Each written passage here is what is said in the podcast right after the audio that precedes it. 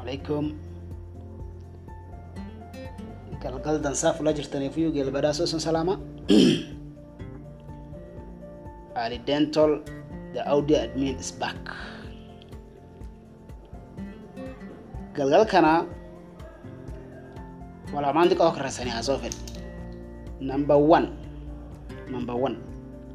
Beetu waan jedhan bilixu bombi tokko halkanee layti baasatu duun dhal dhal yoo barrise dhal dhal dhal layti baase dhal dhal dhal bilixu jedhan afaan keenan guyyaa lafti dheetaa fa waqti olkii bilixu san yoo argani gaaf bari durii beeta baadiyyaa godaan kaan bilixu yoo argani in dheetan tooshi isaan tooshi durii beeta wanni beeta layitii ka ibsatanii ga jiran dhibiin jir tooshi malee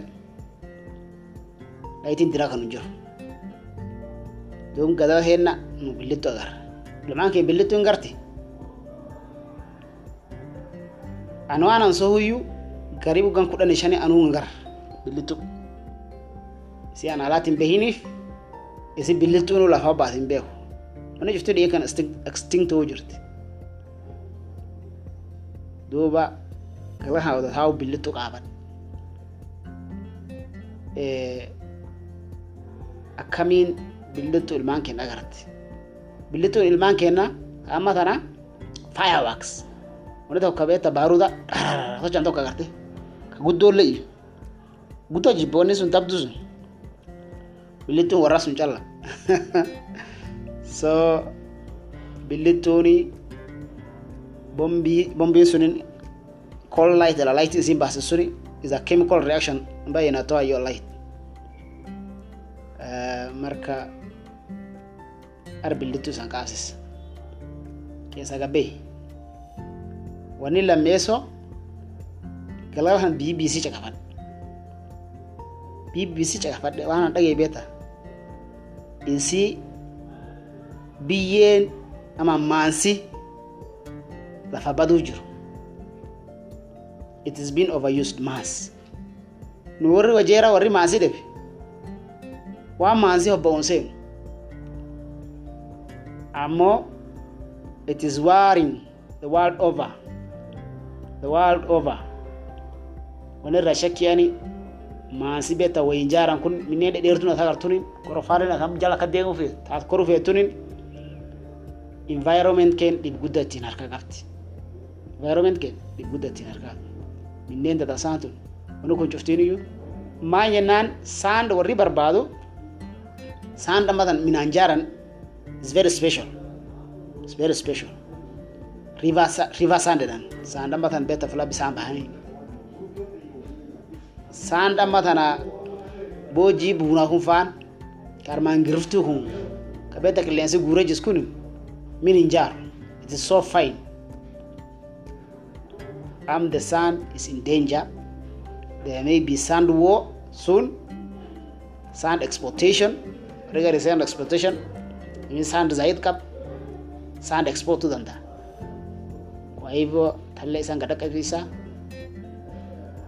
Aga kana nukuni waan yusiti if waan beektaa na cajab geliye halkan dasaa saniin maaragtay sanii fedha akkana naga kee bula amo kilibba beektaa wani haani sanii gadarka. BBC kamambo sana sunirra dubbata hagana naga kee bula asalaamu alaikum warahmatullahi wabarakaatu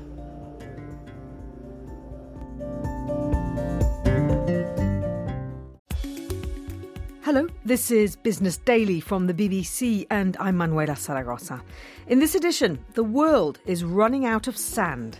In two years, just between 2011 and 2013, China consumed more sand for construction than the United States did during the entire 20th century. So high is the demand for sand, some will even resort to violence to get at it. So they came out and they couldn't make me move, so with their fists, they hit me on the head.